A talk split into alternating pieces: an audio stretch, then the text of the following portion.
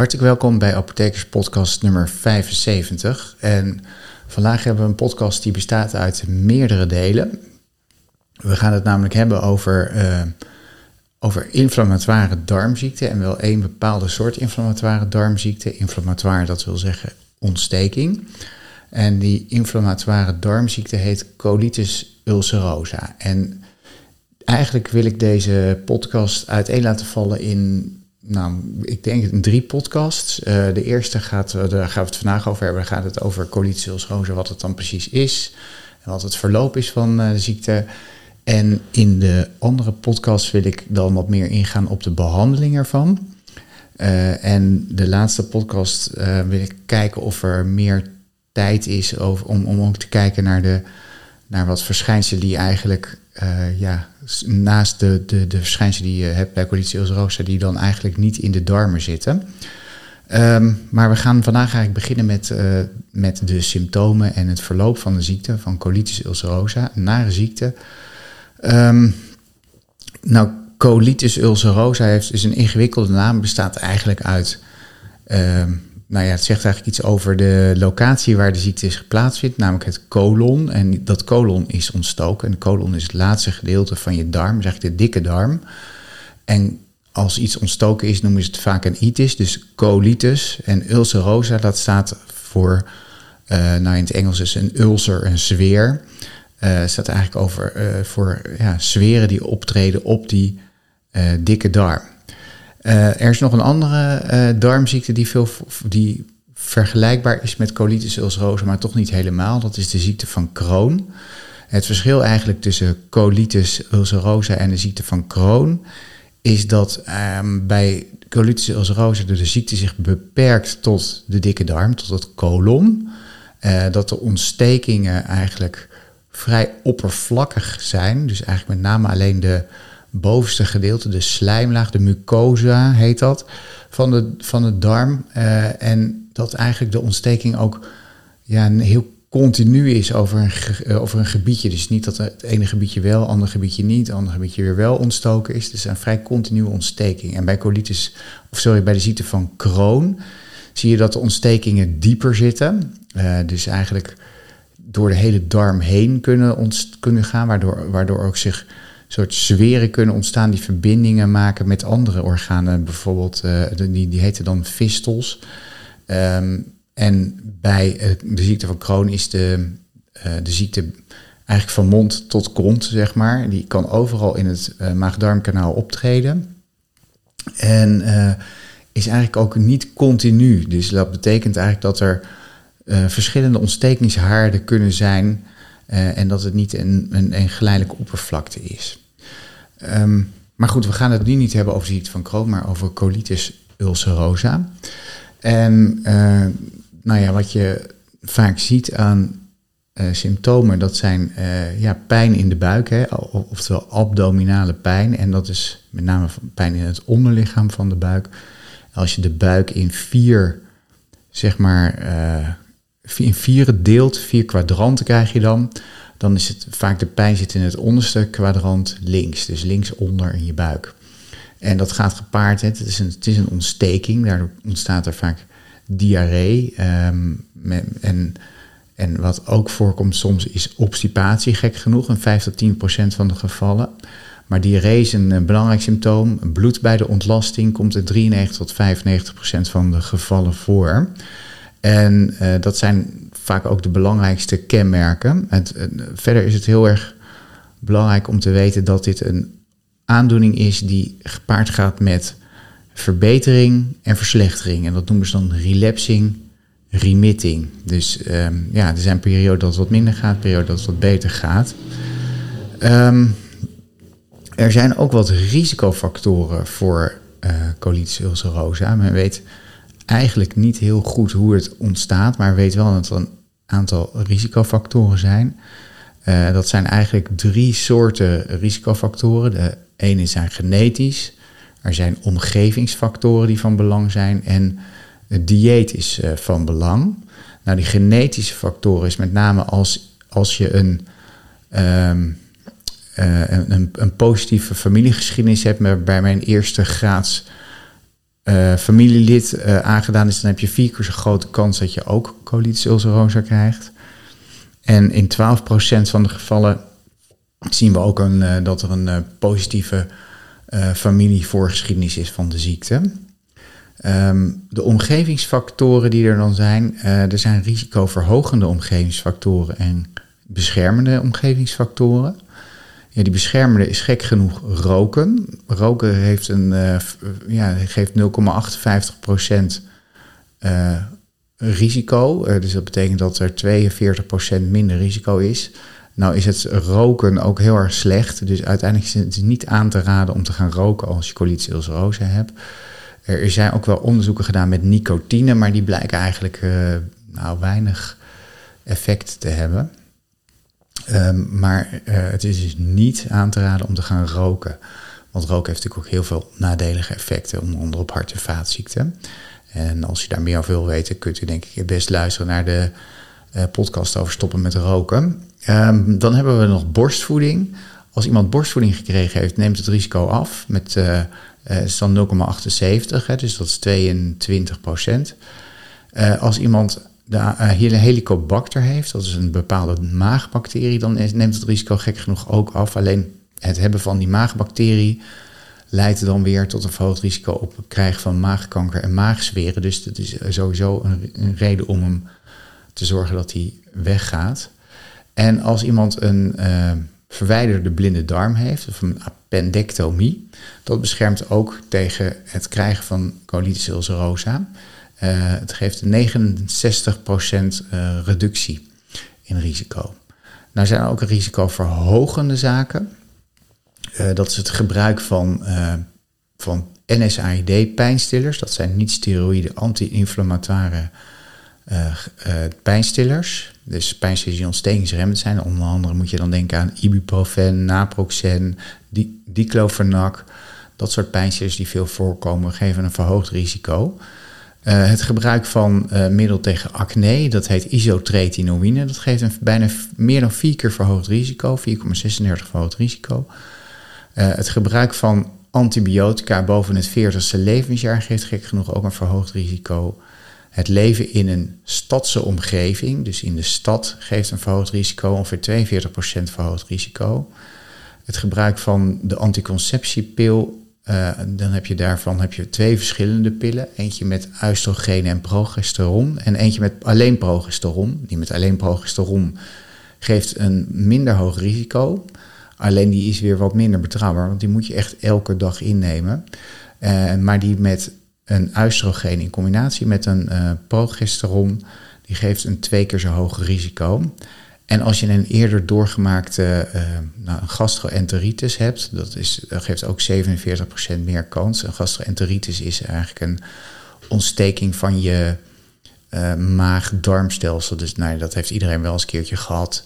Dus dat is ook niet te vermijden. Dus zeg maar reizigersdiarree bijvoorbeeld is een uh, gastroenteritis. Maar ook als je misselijk bent en overgeeft, een voedselvergiftiging hebt gehad bijvoorbeeld dan, uh, dan, dan praat je ook van een gastroenteritis. Um, nou, dan is er ook nog het risicofactor dieet. Eigenlijk zijn daar vooral beschermende um, risicofactoren. Het eten van fruit geeft een verlaging op het risico van de ziekte van, of een colitis ulcerosa van uh, eh, 31%. En dat van het eten van groenten uh, ook nog een keertje 29%. Dus het eten van groente en fruit is heel erg goed. Um, er zijn ook wel um, bijvoorbeeld het eten van, van vet eten en van, uh, van, van voedsel wat heel erg bewerkt is. Dat lijkt, uh, daarvan denkt men dat dat ook het risico verhoogt, maar dat is niet helemaal zeker te zeggen. Um, nou, tot zover dus die risicofactoren.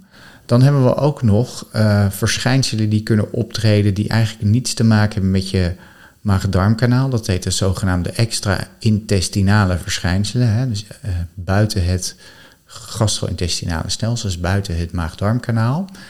En uh, dat zijn eigenlijk een aantal zaken. Um, je ziet vertraagde puberteit bij mensen die, uh, bij, bij kinderen die colitis ulcerosa hebben. Want colitis ulcerosa, dat vergat ik te zeggen, dat treedt vaak op op relatief jonge leeftijd. Typisch ergens een piek tussen de nou ja, 13 en, en 30 jaar. Dat kan natuurlijk een beetje variëren. En dan zit er nog een piekje in boven de 60. Maar het vooral gebeurt dat bij, ehm, nou ja, bij, bij pubers of prepubers komt dat vaker voor. En dan zit er hier ook duidelijk een piek dat dat kan ontstaan. Dus vandaar ook die vertraagde puberteit, maar ook gewichtsverlies treedt natuurlijk, kan natuurlijk optreden. Ehm, verder uh, zie je dat mensen vaak dat, dat er bloedarmoede en bleekheid optreedt in 5% van de gevallen. dan kan er nog groeivertraging optreden bij 6 tot 10% van de mensen die dat krijgen. En je kan aandoeningen krijgen aan je huid- en slijmvliezen.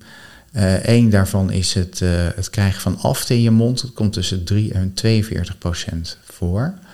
En dan heb je nog een met een hele moeilijke naam. Dat heet erythema nodosum. Dat is een, uh, een, een huidziekte waarbij je pijnlijke rode bulten, meestal op de voorkant van je benen krijgt. Dat komt tussen de 1 en 13 procent voor. Is overigens een hele zeldzame aandoening. Die normaal gesproken maar 500 mensen in Nederland krijgen. Uh, maar die komt dus vaker voor bij colitis. Uh, je gewrichten kunnen aangedaan worden. Je, je kan ontstoken gewrichten krijgen, pijnlijke ontstoken gewrichten. Komt tussen de 2 en de 50 procent voor. Overigens gaan die gewrichten daar niet door kapot. Dus dat betekent wel dat het pijnlijk en naar is. Maar je gewrichten raken niet aangedaan of beschadigd. Uh, en pijnlijke gewrichten alleen komt ook voor, ongeveer 15% van de gevallen. Dan heb je nog wat zeldzamere aandoeningen. Je, krijgt een, je kan in je, aan je ogen kan je ontstekingen krijgen, roodheid. Komt ongeveer nou, minder dan 1% voor, ongeveer 0,4%. En er is een verhoogde kans op uh, het krijgen van trombose, met name als de ziekte opvlamt. Dus als het uh, aan het relapsen is, zeg maar. En mensen gebruiken corticosteroïden om de behandeling, uh, om te zorgen dat die ontsteking minder wordt. bijvoorbeeld prednisolon dan neemt dat risico op trombose iets toe. Twee tot vier keer. Um, dan kan er ook nog ontsteking van de alvleesklier optreden in 1 tot 5 procent van de gevallen. En een hele zeldzame aandoening, dat, zijn, dat is de primaire scleroserende cholangitis. Dat is een ontsteking en van je galgangen, waardoor je um, vaker galstenen kan krijgen en, uh, en, en ook leverziekte kan krijgen. Dat is gelukkig heel zeldzaam. En uh, dat is ook een, uh, nou ja, dat is wel een belangrijke uh, risicofactor voor ook andere langere termijn complicaties. Maar daar kom ik eigenlijk zo meteen op. Um, hoe ontstaat nou die colitis ulcerosa? Daar is, daar, wat weten we eigenlijk niet heel goed, maar er zijn eigenlijk een aantal zaken die van belang zijn. Ik ga daar niet heel diep op in, want dan moet ik een hele cursus immunologie gaan geven. Maar er zijn eigenlijk drie dingen die van belang zijn. Nou, je, zult, kunt je voorstellen dat in de darmen, daar, groeien, daar zitten ontzettend veel bacteriën. Je bent helemaal, als, als mens ben je helemaal gekoloniseerd met bacteriën. Sterker nog, er zijn meer bacteriecellen aanwezig in je lichaam dan dat er lichaamcellen aanwezig zijn. Dus die bacteriën zitten er en die zitten vooral in je darmen. En daar hebben ze een hele, een hele goede functie. Want ze zorgen bijvoorbeeld dat, ze, dat je uh, bepaalde uh, voedingsmiddelen worden omgezet die we eigenlijk niet zo goed kunnen verteren. Um, die voedingsmiddelen die worden vaak omgezet, met name dan de celluloseachtige stoffen, die worden omgezet in, uh, in kleine vetzuren. Dat small chain fatty acids worden die genoemd. Dat zijn onder andere uh, propionzuur en nou, butaanachtige stoffen, zeg maar. Uh, um, en die, die zorgen eigenlijk dat ze, dat is een hele goede um, energiebron voor de, um, voor de uh, cellen in je darmwand. Dus die zijn heel belangrijk. Die werken ook een beetje ontstekingsremmend. Dus dat zijn hele belangrijke stoffen die gemaakt worden. Um, nou, die bacteriën, dat zijn er natuurlijk een hele hoop die daar zitten. En die zijn continu met elkaar in gevecht over wie nou de macht heeft in die darmen. En meestal zijn dat de goede bacteriën die dat doen, maar er zijn ook uh, bacteriën die uh, natuurlijk wat minder goed zijn. En op het moment dat die slechte bacteriën de overhand krijgen, dan is er sprake van een dysbiose. En uh, die dysbiose betekent eigenlijk dat, nou ja, dat het evenwicht anders is dan bij mensen die geen last hebben van de dysbiose. Uh, en dat leidt tot, um, nou ja, tot, tot meer um, slechte bacteriën. Uh, je ziet dat daar verband is met diabetes, met depressie, maar ook met overgewicht en ook met colitis ulcerosa. Nou, wat je verder ziet is dat eigenlijk de uh, darmbarrière, dus de, de, de, de darm bevat een darmepitheel met een laagje, met een laagje cellen daaronder en een groep cellen en dan spierweefsel. Uh, die zorgt natuurlijk, en er zit ook een slijmlaagje op die darm. Nou, die slijmlaag die wordt iets minder en daardoor kunnen bacteriën, normaal gesproken wordt die slijmlaag beschermd een beetje tegen bacteriën, zorgt dat die bacteriën niet zo makkelijk kunnen doordringen. Maar als daar wat veranderingen optreden, kunnen bepaalde bacteriën makkelijker in die slijmlaag doordringen. Uh, en kunnen dan daardoor ook het, uh, die barrière van dat darmepitheel kunnen ze een beetje uh, beschadigen. Um, en daarbij ontstaan ook allerlei reacties van het immuunsysteem op die bacteriën of op bepaalde toxines, hè, giftige stoffen die die bacteriën produceren.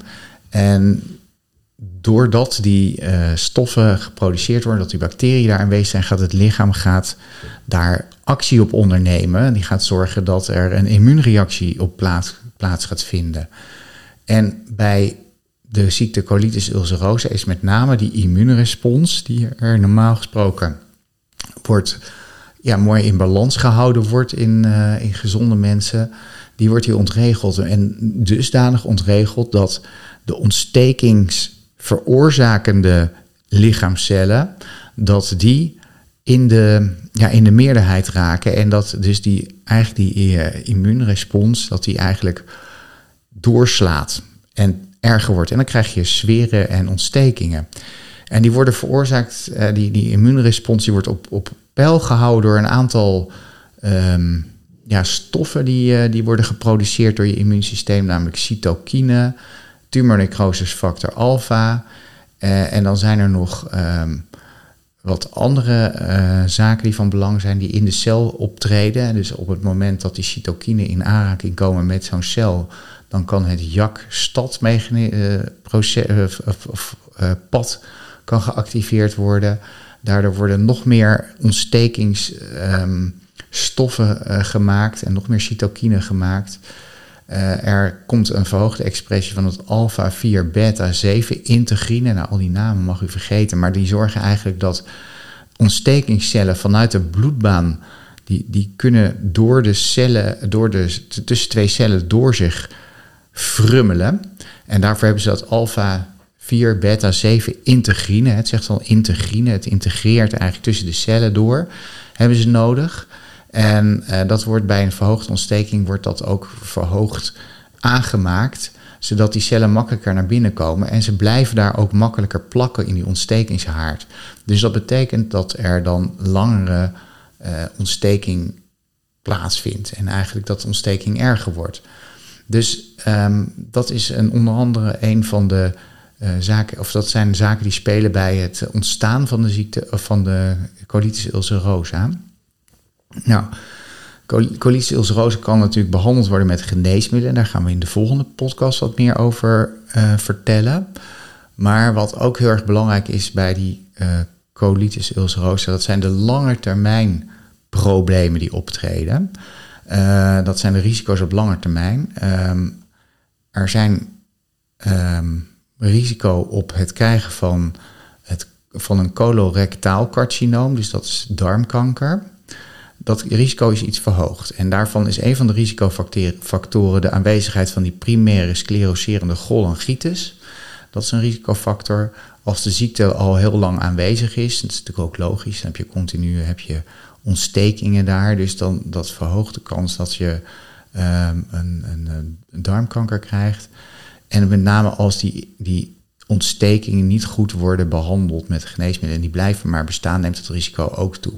Nou, wat is nou dat risico op dat ontstaan van het colorectaal carcinoom? Dat is het 10 jaars risico is gelukkig niet extreem hoog. Uh, dat is ongeveer uh, eh, 0,4 tot 0,6 procent. Dus dat betekent van elke 100 mensen die die ziekte hebben, krijgen er na 10 jaar, nou ja, eh, een half tot 0,6 uh, mensen krijgt, krijgt zo'n colorectaal carcinoom.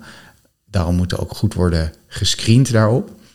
Uh, in 20 jaar neemt dat percentage natuurlijk toe. Dan krijgt tussen de 1,1 en de 5,4 mensen krijgt een colorectaal carcinoom. En over 30 jaar is dat tussen de 2 en de nou, 7,5, 8 procent van de mensen.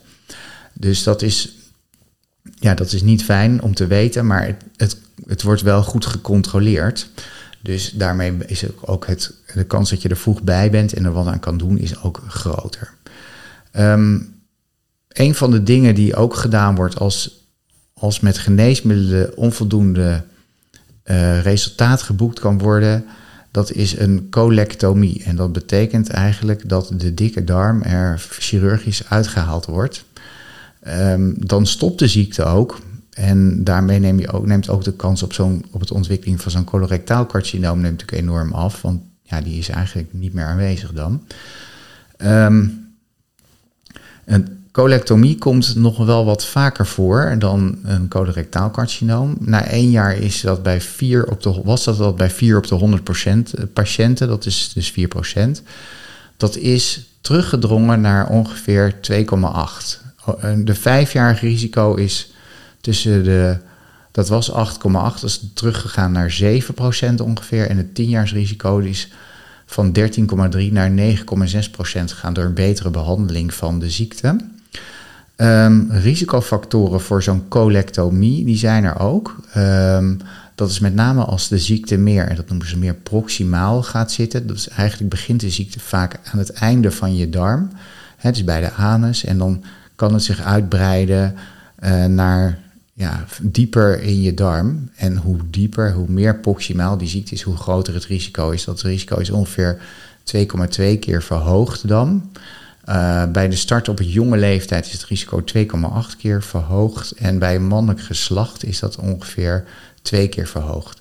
En dan is er nog een, um, een, een bepaald ontstekingswaarde die we kunnen meten. Dat het CRP, het C-reactive protein. Dat is een, een, een, een, eiwit wat in het bloed ge, gevonden kan worden en met name verhoogd is bij ontstekingen. Als dat boven de 30 is, 30 milligram per liter, dan neemt de kans op zo'n colectomie ook toe. Nou, ik heb nu het een en ander verteld over colitis ulcerosa en over de symptomen. Um, en in de volgende podcast hierover, dan wil ik wat dieper ingaan op de, op de behandeling met medicijnen. Uh, ik hoop dat u het een interessante podcast vond. En uh, als u het leuk vindt, geef dan een goede beoordeling op, op het podcastplatform. En ik dank u weer hartelijk voor het luisteren en tot de volgende keer.